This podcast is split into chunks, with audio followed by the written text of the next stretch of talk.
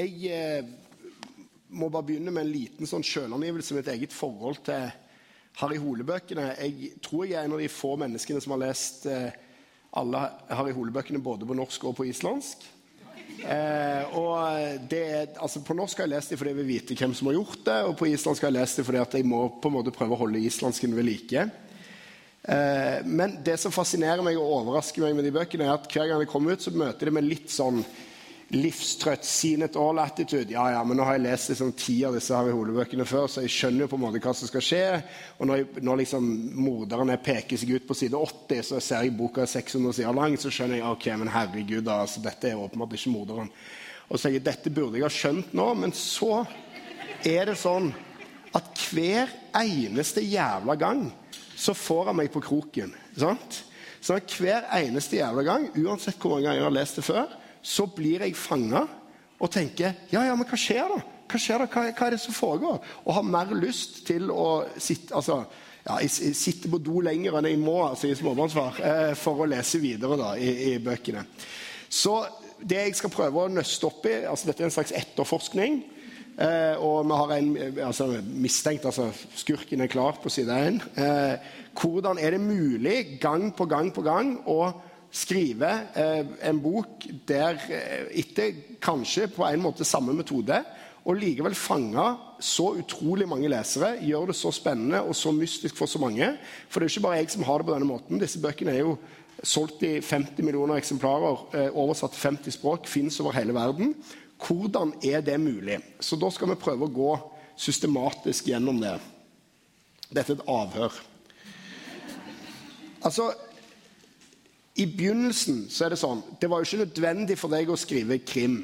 Altså, Du, jo, eh, du er jo et slags moderne ja, Det er litt kleint å si renessansemenneske, men, men altså, du har spilt fotball på relativt greit nivå. Du har eh, en eh, bandkarriere bak deg med de der. Du har studert økonomi vel på BI. Og så plutselig så finner du ut at du skal skrive krim, og du sender et manus inn under pseudonym, sånn at ikke Aschehoug skal vite at det er deg. Pseudonymet er Kim Erik Lokker som altså da er kimer i klokker, hvis ikke tok Aschehoug den. Ok, de sier det. Men hvor kommer den ideen fra? Hvordan fikk du den ideen? Nå setter vi ned og skriver krim. Og hvordan er den første boka, da, 'Flaggermusmannen', hva er det som på en måte er foranledningen? Hvis vi begynner med begynnelsen, til at du setter i gang med det. Uh, ja, uh, altså akkurat uh, jeg tror jeg skal begynne med å sitere min gode venn Henrik Mestad. som er her. Han, har, han har klatra en rute ned i Thailand. Og så spør jeg kan du fortelle meg om hvordan du klatra den ruta. Ja, ja, ja. Og så, og så spør, spør, han vil du ha den kart, korte eller den lange versjonen. Og så sier jeg ja, jeg kan, det, er en, rute som tar tre minutter å klatre. Jeg kan få, få den, jeg kan få den lange versjonen. Ok, sier han. Jeg ble født på Bømlo. men men jeg tror, så jeg tror ikke jeg skal ta den versjonen, men ta heller da fødselen til Harry Hole. Altså, eh, for det første så var det en, en, en stygg faktafeil her. Eh, som, eh, siden det er noen her som jeg da studerte sammen med. Det, det er Handelshøyskolen i Bergen, det er ikke BI. Og grunnen til at jeg nevner det nå, det er at det var ei jente som jeg studerte sammen med på, på Handelshøyskolen, eh, som da jobba eh, på faktaavdelingen på Aschehoug eh, som spurte meg om jeg kunne tenke meg å skrive noe for dem. Eh, om jeg kunne da skrive en, eh, en, bok om de derre, og om livet på veien eller et eller annet sånt. Jeg sa at det, det er helt uaktuelt. Eh, men siden du spør, så, eh, så kanskje det kan komme noe annet. Og så dro jeg sammen med en kompis som også her er et eller annet sted her nå, tror jeg. Eh, han mente at eh, han og jeg burde reise til Australia sammen, hvor han hadde bodd et par år. Så vi dro dit. Eh, så var det på flyet at jeg da jeg tenkte at disse ukene skal jeg nå bruke til å skrive en kort kriminalroman som skal eh, refuseres. Og så, eh, og så, forhåpentligvis så er det noe der de liker, som de sier at ok, dette godt forsøk, men vi ser det er noe talent her, så kom, kom gjerne tilbake med noe annet. Slik at jeg hadde en for, forbindelse som jeg da tenkte den kan ta via faktaavdelingen, og så vil hun kanskje vise det til, eh, til de som er på skjønnlitteratur. Uh, nå, kompisen min han, han, måtte hjem på jobb etter to uker, og så hadde jeg noen uker i Australia hvor jeg reiste rundt. Reiste litt mindre enn jeg hadde planlagt pga. at jeg hadde begynt å skrive på, på, flyet og kommet opp med denne karakteren Harry Hole.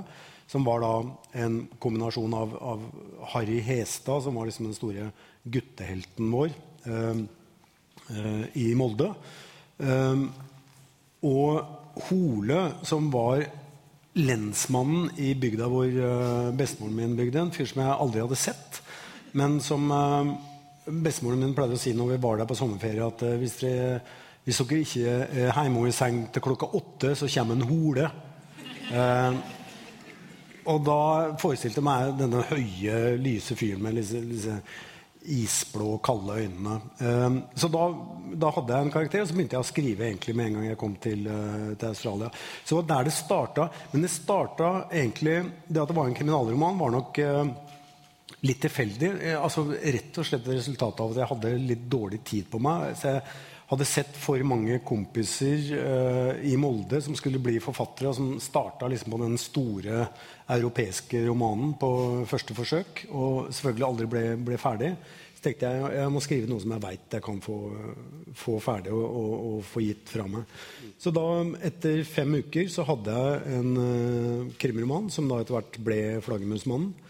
Uh, jeg sendte den uh, via uh, venninna mi på forlaget og sa at det er best om dere gir det her til skjønnlitteratur og, og bruker pseudonym Kim Erik Locker for hvis ikke så, så går det som vi veit det går. Når en, eh, når en, vokalist i et veldig populært eh, band eh, sender ut manus du får, får gitt ut uansett. Eh, jeg ble da kalt inn. Eh, og så Noe av det første jeg ble spurt om, var jo da at eh, vi skjønner at Kim Erik Locker ikke er, er navnet ditt. Er, hvorfor har du brukt pseudonym her? Ja, Så sa jeg ja, det er fordi jeg er Jo Nesbø i De derre Og ingen der som hadde hørt om uh, verken Jo Nesbø eller, eller de der. Så da tenkte jeg, meg tenkte jeg ja, det er vel kanskje like greit å gi det ut under, under eget navn. Uh, og det var, eh, det var starten. Stemmer. Og, og, så er det på en måte Du har skrevet alle disse krimbøkene om Harry Hole, og da er det jo når du får ideene til disse bøkene, hvordan er det egentlig altså I første boken, 'Flaggermusmannen', der er det eh, Harry Hole kalles nær i Sydney, en norsk dame der er drept. Eh, hvor på en måte kommer sånne ideer fra? Plutselig senere er det vampyrisme. Eh, det er en seriemorderløs som eh, lager pentagrammer med ofrene sine. Eh, det er en, en ranshistorie, sorgenfri. Eh, altså, hvor, hvor kommer disse, hvordan kommer disse ideene til deg? Hvordan, hvordan, er det det skjer? da? At du liksom tenker, Er det sånn du står opp, og så er det sånn lyspære over hodet? Ding dong, vampyrisme, liksom. Nå setter vi ned. Eller hvor får du ideen? Ja, ja altså, det kan være litt sånn. Jeg tror at uh, jeg tror ikke at uh, ideene, det der å vite om en idé er god eller dårlig, uh, og om det er et, altså Alt er gjort før, sannsynligvis. Men at man likevel har en følelse av at det er et snev av originalitet her. Den, den, kan komme fort. altså Det kan være som pling, og så kan den eh, være der litt over tid. Som regel får en eller annen idé som jeg tenker at dette er kanskje grunn, altså dette er Kanskje ikke grunnlag for et plott, men dette er noe jeg er interessert i. Er et, det er et eller annet ved dette som har en uh, har noe ved seg som handler om mer enn akkurat det sensasjonelle med vampyrisme. Da, for eksempel, at det er en eller annen uh, subtekst der som er uh, interessant, og som handler om, uh, handler om, mennesker, og som handler om oss. men det kan være Jeg spurte en gang Harald Eia, jeg intervjua han om, om, humor. Og spurte hva, hvordan veit du at en vits er morsom. Og han, han har en veldig sånn analytisk, nærmest sånn vitenskapelig tilnærming til sketsjer og hvordan det skal bygges og hvilke elementer som må være der. Og han sier at eh, Først så tar jeg og bygger opp sånn, så gjør jeg sånn og sånn. Og sånn. Og så sier han at og så må jeg kjenne etter om det, om det bobler i magen. Og jeg tror det er, der, det er det det koker ned til. altså det er den der, Du må kjenne at det bobler i magen. Det må være et eller annet, en eller annen, noe du lurer på ved det. Noe du syns er spennende sjøl. Noe du tenker at ja, men dette har jeg lyst til å lese mer om. Og hvis jeg har lyst til å lese om det, så har jeg sannsynligvis lyst til å skrive om det også. Mm. Uh, men det er, altså, det er, helt umulig for meg å Altså, for det første, da, da jeg ble spurt der, kan, kan du tenke deg å sitte og, og, og, snakke om metoden din, hvordan du gjør det, så spurte jeg liksom, ja, hvor, hvor, lenge skal vi sitte og gjøre det. For jeg vet ikke om jeg har, jeg vet ikke om jeg har noen metode. Og jeg vet ikke om jeg kan liksom si noe sånn veldig eh, eh, Noe som vil gi dere noe mer innsikt i måten jeg jobber fram en historie på, eh, enn det jeg sjøl har. Og min egen innsikt er, er sterkt begrensa. Ja. Uh, ja. Nei, jeg ville bare snakke om... Det er sagt, bare så ikke det er forventninger her om at det jeg, jeg, jeg, ville bare snakke om bøkene, så dette må skylde på de som jobber på Nasjonalbiblioteket. Men det er en annen sak. Men altså eh, men, men, men, bare for å litt kjøtt på beinet, for å gi et eksempel da, på, på, en sånn, på, en sånn, idé hva jeg tror ting handler om. Eh, jeg er jo blitt kritisert av til for å ha eh, over kanten brutale ja, var, skildringer. La oss ta den med en gang. Ja. Eh, det er, eh, det er en, en, idé jeg hadde eh, som er en veldig sånn konkret idé. Jeg kjøpte en, en vannseng eh, på et tidspunkt. Jeg hadde vært hos lege og hadde vondt i ryggen. Og jeg ble da anbefalt å kjøpe vannseng. Og dette, altså 80-tallet var forbi, for å si det sånn. Så det, det var eh, Det fantes ikke vannsenger lenger. Så jeg gikk ned på sånn sengesenter her i Oslo og spurte om de hadde vannseng. da, og Fikk sånn blikk tilbake om den som jeg hadde spurt om de hadde pornofilmer. eller noe sånt. Så de tok meg da ned i kjelleren. Og det, og det var liksom, for de tok meg ned i kjelleren Helt innerst der så hadde de da et sånn et rom som, med rødt lys på, hvor det da sto, sto, en, sto, en, vannseng, og den kjøpte jeg. Det var sannsynligvis Oslos siste vannseng. Um, så lå jeg den, og så putta jo på disse stoffene som du skal ha for at det ikke skal gro, uh, gro intelligent liv inne i vannsenga di. Og så, uh, men likevel så, så, lå jeg der og så hørte etter en stund at det begynte å boble i senga. Og da meldte jo da den der tanken seg at jeg er ikke helt alene her. Altså det er Det er et eller annet her. Uh, og så skrev jeg da, og det ble inspirasjonen til en scene i en bok som heter 'Marekors', hvor det da er en, eh, en uh, mann som har med seg en uh, kvinne hjem på uh, altså, Hva kan synes som det er en sånn one night stand. Og de har da sex i vannsenga hans. Og mens de har sex, så kjenner hun at det er noe som treffer henne mellom skulderbladene. Og så, etter at de har hatt sex, så går da mannen for å gå og ta seg en dusj. Og hun drar da lakenet av vannsenga og presser mot gummien. På innsiden av vannsenga så er det da profilen av en naken kvinne som ligger der i vannsenga. Og som da viser seg å være hans kone som gikk fra han. Prøvde å gå fra han. Eh, og han, eh, hun er da blitt drept og tilbringer nå eh, tiden da, i en seng som ikke er eh, fylt med vann, men med alkohol. Uh, så hun ligger der uh, evig ung og alltid naken og alltid klar for han når han kommer hjem. og det er ja, det er grafisk på en eller annen måte. Men det er også, også da en, en skeiv kjærlighetshistorie, sånn jeg ser det. Ehm, det, er, altså det, handler om skrudd kjærlighet. Og, og, og, det er Hvis en scene ikke har et element av det, så vil jeg Prinsipielt sett så vil jeg ikke bruke det. Det har hendt at jeg er blitt forført kanskje av uh, hva jeg på et tidspunkt har syntes har vært min evne til å beskrive grusomheter og vold og sadisme. Uh, og som jeg har, uh, som jeg har til, til dels angra på. I hvert fall hvis de ikke har hatt dette elementet her sånn. Og så må du ha spenningselementet, da, som selvfølgelig er at det, mens hun kikker ned på det ansiktet, så blir hun klar over at slutt, eh, dusjen har slutta å gå, og hun hører at det drypper på eh, parketten ved fotenden av, av, av, senga. Og da syns jeg at eh, når jeg kommer opp med den ideen, så er det nok sånn at det, kommer, en, det kommer, en, pling, eh, og så, eh, og så Kanskje det handler bare om den vannsenga, om den grufulle scenen. Men så er jeg nødt til å eh, på en eller annen måte se ja, Hvorfor syns jeg dette er fascinerende? Og da er, det, da er det som sagt det. Det er en kjærlighetshistorie som jeg på en eller annen skeiv måte syns jeg kan kjenne igjen. Hos andre. Han er sjuk i hodet.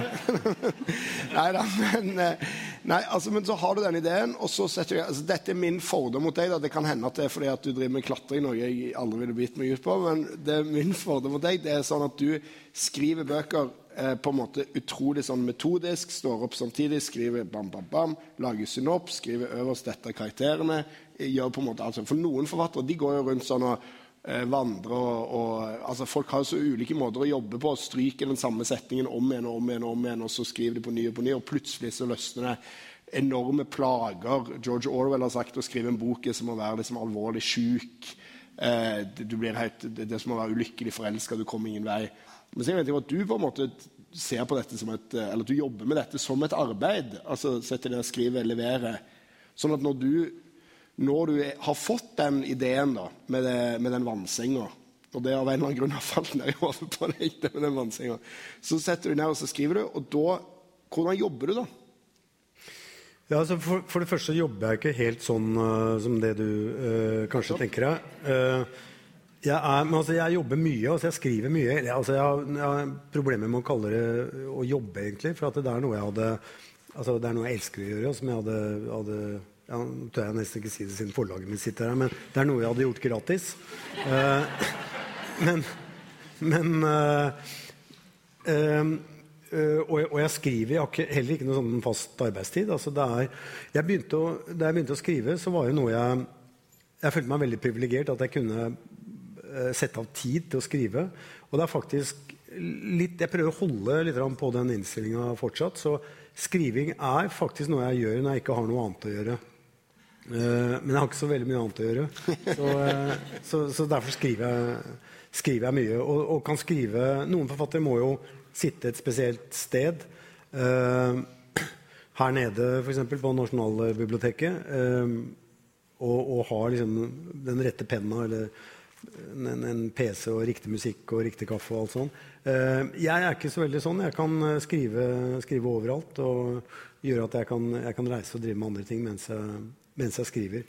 Så, og eh, det er heller ikke den, den, lidelsen med å skrive eh, kjenner jeg meg heller ikke så veldig igjen i. Det er kanskje fordi at jeg, jeg helt fra jeg var liten egentlig har, har, vært forfatter. Selv om jeg ikke fikk det ned på et uh, papir, så, så, satt jeg helt fra jeg var liten og, og, og lagde historier. Altså jeg, kan, jeg kan fremdeles huske noen av de historiene som jeg, som jeg lagde mens jeg satt i baksetet på Volvoen til foreldrene mine, og vi kjørte fra Molde til eh, Eidsvågen, som, eh, som var åtte timers tur. Jeg, og jeg fordrev tiden med, med, å være forfatter uten at noen visste det, meg selv inkludert.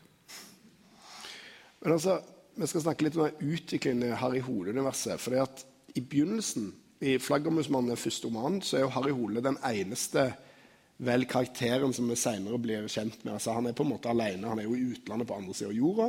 Siden så vokser det jo en eh, underskog av karakterer rundt eh, Bjørn Holm, Ståle Aune, Katrine Bratt, alle disse her. Og eh, når du begynner å skrive denne flaggermusmannen, leverer den inn, da antar vel i alle fall jeg at du ikke har en plan for å skrive 13 eller 14 eller 15 bøker. på en måte. Da er det denne ene, liksom. Men siden så utvikler det seg til en sånn serielitteratur på, på et eller annet vis. da. Eh, og hvordan er det liksom det, den overgangen når du går fra å skrive denne ene enkeltstående boka til å skjønne at dette er liksom en serie, et eget univers eh, Er det blitt lettere å skrive Harry Hole-romaner etter hvert? Eh, eller er det blitt verre fordi at du på en måte må gjenta deg ja. sjøl eh, på mange ting? da? Uh, ja, litt, litt, begge deler, tror jeg. Uh, det er um, den er at du, at du kan gjenta deg sjøl. Det er selvfølgelig den faren at du en, av grunnene til at jeg slutta å skrive, eller å lese kriminalromaner omtrent helt da jeg begynte å skrive sjøl, eh, var nettopp det at jeg, jeg, visste at du sannsynligvis vil bruke ideer som har vært brukt før. Uh, men at det var bedre å ikke vite det og ha en naiv forestilling om at du var original. Og, så, så, det er faren at du, du på en måte produserer en ny Harry-bok fordi det er en masse gode grunner til det. Fordi at det får stor oppmerksomhet. Fordi alle rundt deg blir veldig glad når du skal eh, gjøre det. Ehm, så eh, jeg har prøvd å stille meg sjøl spør spørsmålet hver gang jeg setter meg ned og bestemmer at nå blir en Harry Hole-bok. Er det pga. ideen jeg har til boka, eller er det at Eller er det andre grunner der som vi ja, som er kommersielle, eller som er eh, det derre behovet for oppmerksomhet som eh, forfattere og, og, og, folk som driver med spiller i band og sånne ting, har. Eh, og det er, Jeg har ikke noe sånn godt svar på det. Altså, jeg tror at uh, Det er grenser for hvor grundig selvanalyse man kan ta på, på sånne ting. men jeg innbiller meg i hvert fall at jeg har At det er, det er av at jeg syns at ideen er god. Uh, altså, jeg, må, altså, jeg kunne slutta å skrive Harry Hole-bøker nå. Uh, og jeg har tjent nok penger eh, på det til at jeg behøver å skrive noe mer. Uh, og det er Jeg tror også serien hadde stått seg ålreit i ettertid om jeg hadde slutta nå. Så det er alltid den der risikoen for at du forringer universet, og at du, du på en måte ødelegger mer enn du enn du bringer nytt uh, kvalitetsmessig til, uh, til, serien. Så det er sånn der, men, men, så koker det ned til at jeg er interessert i fyren. Altså, Jeg syns faktisk det er, eh, det er Av alle de litterære karakterene jeg har jeg har skapt, som er altså, om det er barnebøker eller uh, såkalte stand-alones eller noveller eller karakterer i, i låtene med, med, de derre, så er det Harry Hole som er den som, som ligger mitt hjerte nærmest. Mm. For du har jo vært, Når du har skrevet noen av disse som du kaller standalones, da, altså 'Hodejegerne', eller eh, for så det er to da, med 'Blod i snø' og den uh, oppfølgeren, vel, som jeg ikke husker rett i farten altså, da, Er du da lei av Harry Hole? på en måte? Er det da en periode der det har kjørt seg fast mellom dere, og du kommer ikke videre? Du, eller er det fordi du vil bevise at du òg kan skrive noe annet? Eller? Det er, eh, det er noe styrt av ideer. Det vil si at jeg har en idé til en uh, historie som, som jeg skjønner at dette er ikke en Harry Hole-historie. Uh, altså, jeg, jeg, jeg, kan jo bli uh, ikke lei av, men jeg kan jo bli trøtt av Harry. Altså, Harry er vel Hva skal jeg si Hvis han er en kompis, da, så er han den type kompis som etter at du har vært sammen med han en helg Så du ringer ikke Harry tilbake på mandag. Nei, nei. nei. Det er jævlig mange ganger der eh, alkosprekk nummer 15, da tenker du sånn Bare ta deg sammen, jeg orker ikke mer.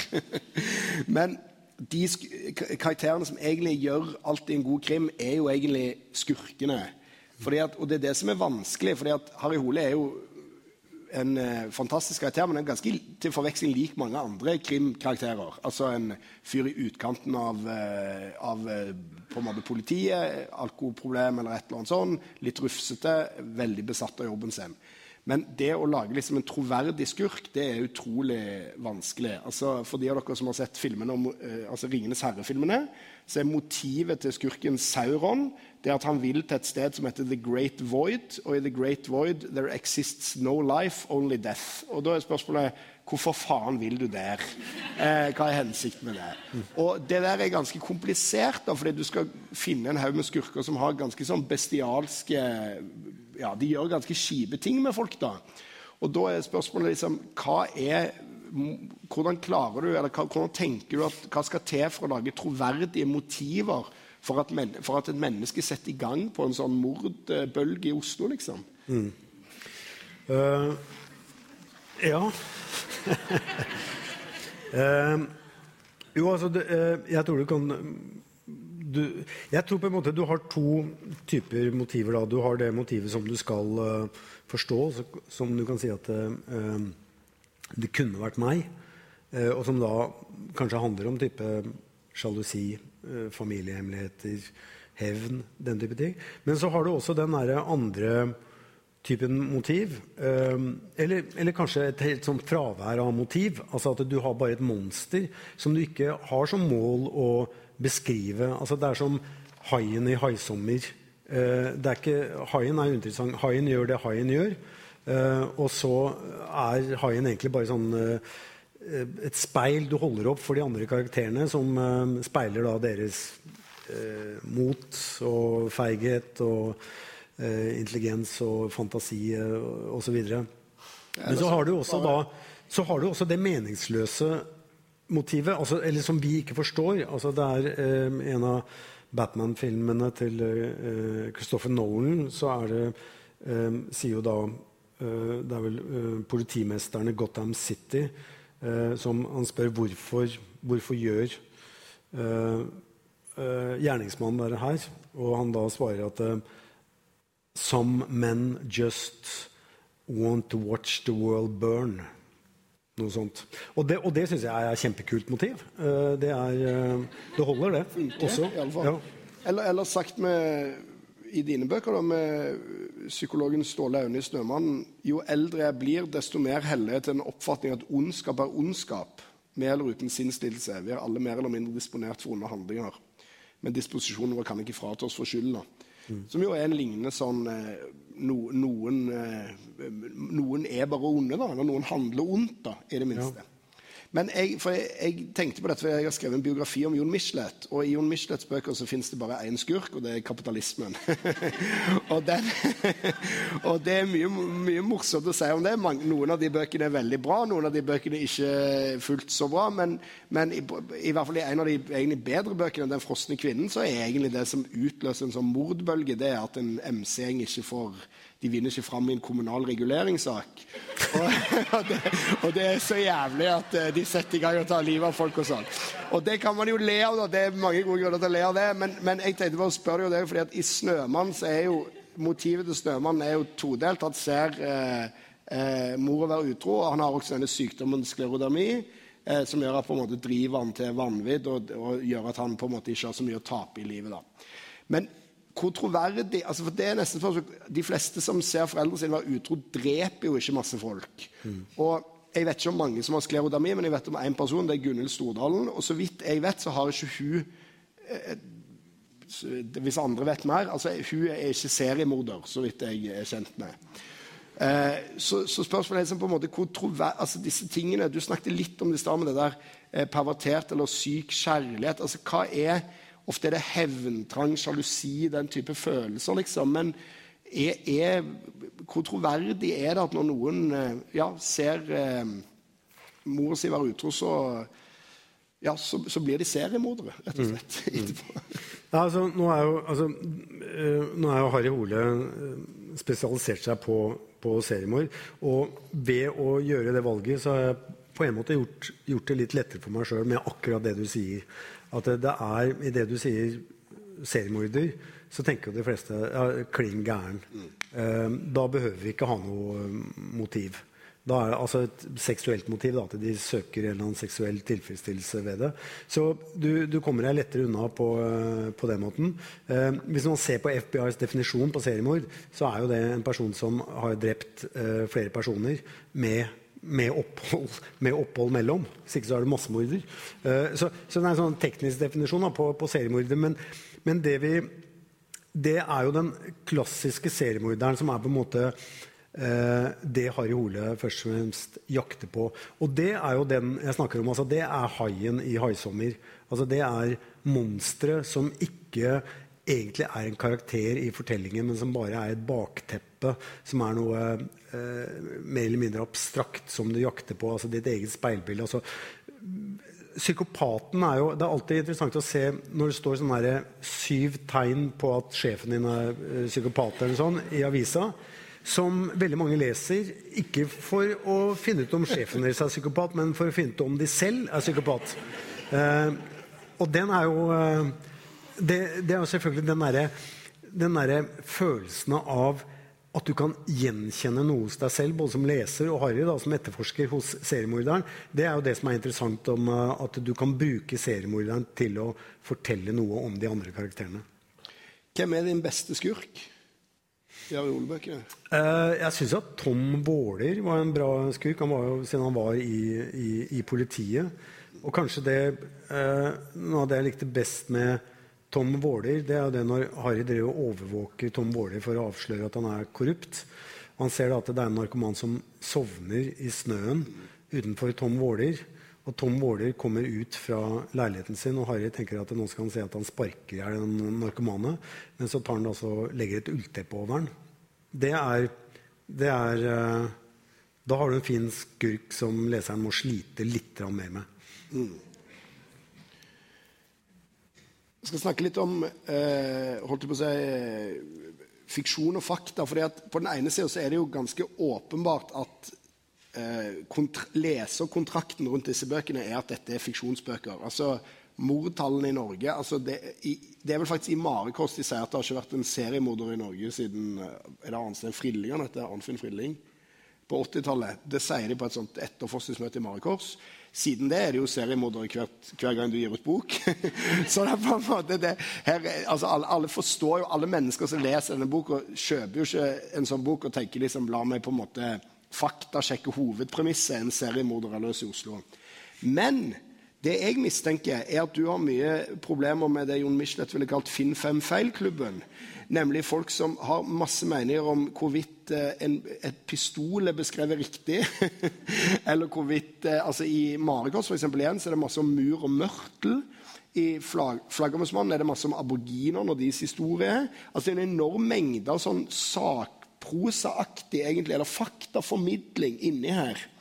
Og både altså, eh, det jeg egentlig lurer på, er for det første hvordan vet du alle disse tingene, eller hvor får du det fra? Og for det andre, hvordan er det å skrive disse her, eller hvorfor tror du at folk aksepterer på en måte denne store egentlig fiksjonsideen om at en seriemorder er på rømmen og han er vampyrist, men på den andre siden ikke kan akseptere at du bruker feil, hvis det er sånn, da. Mm. Merke på en revolver i sluttscenen, liksom. Ja. Uh, nei, altså det, det er jo tydelig at det er eh, krimlesere, eh, kanskje spesielt, og kanskje spesielt menn på 60 pluss, er eh, veldig fokusert på den type detaljer. og, den type detaljer er jo, er jo må jo være riktig. Men altså, jeg kan da fortelle at jeg, jeg, skrev en låt en gang som het Erik Vea. Som er en skøyteløper som, som, gikk på 70-tallet, og som som eh, alltid sprakk på alt over 1500 meter. Sprakk vel egentlig på 1500 meter også. Eh, og, og, men som da ble på en måte en sånn helt for meg og, og faren min. Eh, og jeg skrev en sang om han eh, om NM i 1973, eh, hvor han da sprekker på et løp. Og jeg, jeg, og jeg, skriver da at det, det er NM på i Larvik, skriver jeg. Og det, er, det, det gikk på Notodden, da. Eh, men jeg skrev Larvik, for det var ikke plass til eh, Notodden i den setninga der. Da hadde jeg en stavelse for mye. Og aldri, jeg tror jeg aldri har skrevet så, noe som jeg har fått så mange reaksjoner på som dette påståtte NM i, i, i Larvik. Uh, så folk er fokusert på sånne ting. Og det, det syns jeg, altså, synes jeg er hyggelig og morsomt. Og vi, det er jo av og til at vi må rette opp, i den grad det kommer nye opplag, at vi må rette opp ting i bøkene. Når det gjelder Uh, altså Premisset om at uh, det er masse seriemordere i Oslo, så er det noe man er nødt til å godta. Nå skriver nok jeg en type krim som er uh, hvor, altså, hvor, Oslo er da en litt sånn Gotham City-versjon av Oslo. Hvor det er ikke helt realistisk. Det er et sånn snev av eventyr over det som gjør at det går faktisk masse seriemordere rundt i Oslo.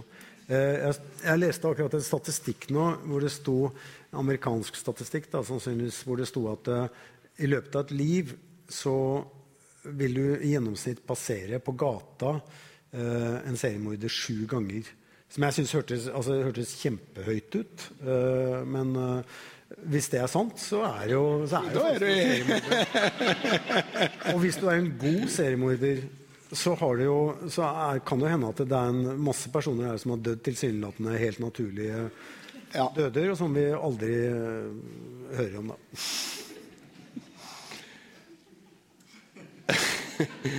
ja, nei, det er skummelt å tenke på, rett og slett. Altså, med, eh, En av de eh, allerede tisa i VG godbitene i denne utstillingen er jo et manus til en Harry Holebukk som eh, 'Kongemakeren', som aldri eh, er blitt publisert, og som du etter en samtale med forlaget der du fikk noen innvendinger som du mente var gode, eh, valgte å si sånn eh, Nei, OK, da driter vi bare i det, liksom. Eh, kan du ikke fortelle oss litt om den eh, romanen? Hva den handler om? Altså, ikke, trenger ikke å avsløre. Jo, det liksom. var på, politisk eh, Altså, var, bakteppet var Stortinget. En eh, politisk roman. satt i Arbeiderpartiet så en maktkamp innad i eh, Arbeiderpartiet. Eh, den hadde noen sånne igjen noen sånne premisser som, som, jeg visste at romanen hang på, og som jeg visste at jeg ikke hadde fått helt dreisen på. og som handla om troverdighet. og så er det jo sånn at når du jobber et to, uh, kanskje mer enn to år med en roman, så er jo ideelt sett så våkner du opp hver morgen og syns fortsatt at den ideen du kom opp med for to år siden, er, er like god, og du, du, går til arbeidet med, med, med lyst. Uh, her var det ikke sånn. Det var sånn at Jeg merka at det, det lugga. Uh, så jeg sendte den ned til forlaget og visste at det, hvis de innvendingene de har, går på akkurat de tingene som jeg sjøl sliter med, så er det bærebjelkene i romanen, og da har jeg ikke noen roman. Og så kom jeg ned, og jeg har, altså det er dyktige folk på forlaget, så de spotta, spotta det med en gang og sa at eh, ok, det, dette ser ut som en roman. Men de har, har nok ikke gått så inn i romanen at de så at det, eh, dette er ikke så lett å fikse. Mm. Så de eh, tenkte nok at det, her, det, det, tror vi nok dette skal bli romanen, men du må bare jobbe med de tingene. Men jeg visste at det var Da var det da var det bare å legge bort. Da var den romanen ubrukelig. Og, og det var den. Så jeg gikk hjem, og så trykka jeg på delete-knappen, egentlig, og, og, så ringte jeg forlaget på kvelden og sa at uh, Jeg ringte vel uh, Trygve Aaslund og spurte Trygve, helt ærlig nå, syns du dette er, er, den beste romanen jeg har skrevet? Ja Begynte han da, og så sa jeg at ja, det er greit, sa jeg. Jeg har akkurat sletta den fra, fra PC-en min, så den blir ikke utgitt. Så de var jo nokså overraska, da. Men ikke så overraska som jeg ble da jeg kom her på denne utstillinga eh, sikker på at den romanen eh, var fjerna fra jordens overflate, og så at eh, forlaget faktisk printa ut hele romanen, og at den ligger inne på utstillinga. Men stakkars forlegger, da. Altså, tenk at du jobber på Aschehoug, presse, økonomi. Alle årets debutanter har ikke levert som planlagt. Men du har i hvert fall én eh, Harry Hole-roman kommende, da, og så plutselig trykker noen på delete-knappen, og så går hele forlagssøk. Altså, du vet at Årets på påskekrim, hovedprinsippet i den på NRK, var at forla forleggeren myrda en krimforfatter fordi at han tok livet av sin profitable hovedkarakter. Mm. Du har ikke vært bekymra for den type Altså eh, Jeg tenkte vi, Før vi liksom på en måte begynner å runde av, så jeg skal snakke litt om hvor går dette videre. Du har sagt at du har eh, kjent slutten på denne sagaen siden du skrev 'Rødstrupe', en av de absolutt beste eh, Harry Hole-bøkene. Eh, men har du vært sikker på hvor mange bøker det skulle bli? Du, eh, vet du nå, når du blir ferdig, altså hvordan går dette inn for landing, dette opplegget? Uh, jeg, da jeg skrev 'Rødstrupe', så skrev jeg en, en sånn ark eller altså en sånn historielinje for uh, hvordan det skulle gå med Harry. Og hvor en del av de store tingene som har skjedd i serien, allerede da var, var planlagt. Men så har det vært, uh, det har vært avstikkere som, uh, som, jeg ikke hadde planlagt, og som er sånne ideer som jeg, som jeg har kommet opp med underveis. Så, sånn vil det muligens fortsette å være. Så sånn sett så kan det hende at Harry Hole faktisk er litt lenger unna å bli avrunda nå enn var for to bøker siden. Ja. ja, for det var en periode der det Sa du nærmest at det var den siste? eller? Eh, nei, nei, jeg har aldri sagt det. Men det var en bok hvor jeg stilte meg selv spørsmålet er dette den siste Harry Hole-boka. Altså, Den kan slutte her. Dette ville vært en uh, god slutt. Og det var vel politi. tenker jeg. Den, uh, den tenkte jeg at nå er, nå er Harry i havn. Det var ikke da hadde jeg ikke, riktignok ikke fullført den historielinja som jeg hadde tenkt. Men jeg tenkte at likevel at det kanskje dette er en eh, bedre slutt enn eh, den jeg egentlig hadde planlagt. Ja, for Man tenker jo liksom gang på gang at nå har han ikke mer å tape. Eh, på en måte, Men så graver du enda et, en dypere kjeller, da. ja, altså Jeg var på uh, Datteren min hadde en sånn bachelorseremoni tidligere i dag. Og da var hun sosiologstudent som var oppe og, og, refererte til faren sin, som sa at uh, faren hans sa at uh, livet, livet, er hardt, men det er meningsløst. Uh, og, og, det er det er på en måte en litt sånn oppsummering når det gjelder Harry. Bortsett fra at han tar feil. Altså, eh, hvis jeg skal foreta en sånn psykologisk analyse av Harry, så er det det at han tror at livet er meningsløst. Men alt han gjør, tyder på at han ikke syns at livet er meningsløst. Altså, han syns han og det han gjør, har en mening for flokken. Så han er et typisk flokkdyr. Så, så lenge han føler at han kan bidra til en flokk og i et fellesskap, så er det, virker det som det er dypt meningsfylt for Harry. Men privatlivet hans er stort sett meningsløst eh, for noe, i hvert fall, i hvert fall akkurat nå om dagen. Ja, for nå kommer jo da i august eh, neste bok, som heter Eller har fått tittelen 'Blodmåne'. Blodmåne, ja. Det høres jo lyst, lystig ut. Mm. Eh, og da er han enda dypere enn han noensinne har vært. Hvor er det det starter, da? Altså, uh, Slutten av forrige boka, 'Kniv', da, uh, livet hans, uh, da er livet hans ødelagt. han har mista kona si og en av sine beste venner. han er da ute på Gardermoen og må bare vekk fra Norge. han triller en terning foran avgangstavla. og Vi får ikke vite hva den terningen havner på, men i begynnelsen av blodmåned så befinner han seg i Los Angeles, eh, i en bar som heter Creatures oppe i eh, Laurel Canyon, hvor eh, Charles Bukowski i sin tid eh, gikk og drakk, og som er et slitent sted der oppe. Og der eh, treffer han ei eldre dame, tidligere filmstjerne. Eh, og hun drar han inn i trøbbel, men får han også så de gjemmer seg i en eh, leilighet etter at de har kommet eh, i klammeri med et eh, kartell der, som hun skylder penger. Ehm, og så er det en I Oslo så sitter Katrine Bratt og, og synger, synger godnattsang, 'Blåmann, blåmann, bukken sin', til den lille gutten Gert, som er tre år. Og som Det er ikke blitt sagt høyt, men det er jo sønnen til, til Harry. Ehm, og ehm, hun synger da på telefonen. Og når han da endelig har sovna hun bryter forbindelsen, så ser hun da ned. Hun er da ute i skauen ute på Skullerud og ser da ned i ansiktet på en, på en ung eh, kvinne som har vært savna i tre uker, og som nå er funnet død. Og det er også en annen kvinne som er savnet. Hun ringer da til sin sjef og spør om de kan ringe den eneste spesialisten de har på seriemord i Norge. Og sjefen sier at uh, å kontakte Harry Ole det er helt, helt uaktuelt. Likevel så får Harry en uh, telefon uh, mens han er i Eller han blir kontakta av en privatdetektiv som finner han i, i Los Angeles. Og det er da ikke politiet, men det er mannen som er mistenkt for disse drapene, som er den eneste linken mellom de to jentene, som er en rik eiendomsbaron i Oslo som vil hyre inn Harry eh, for å renvaske sitt eget navn. Og Harry sier først nei, før han kommer på at dette er den eneste muligheten han har til å eh, slette gjelda til den eldre kvinnen. Så han ringer tilbake og sier ja hvis han kan få denne helt meningsløst høye bonusen i tilfelle han løser saken.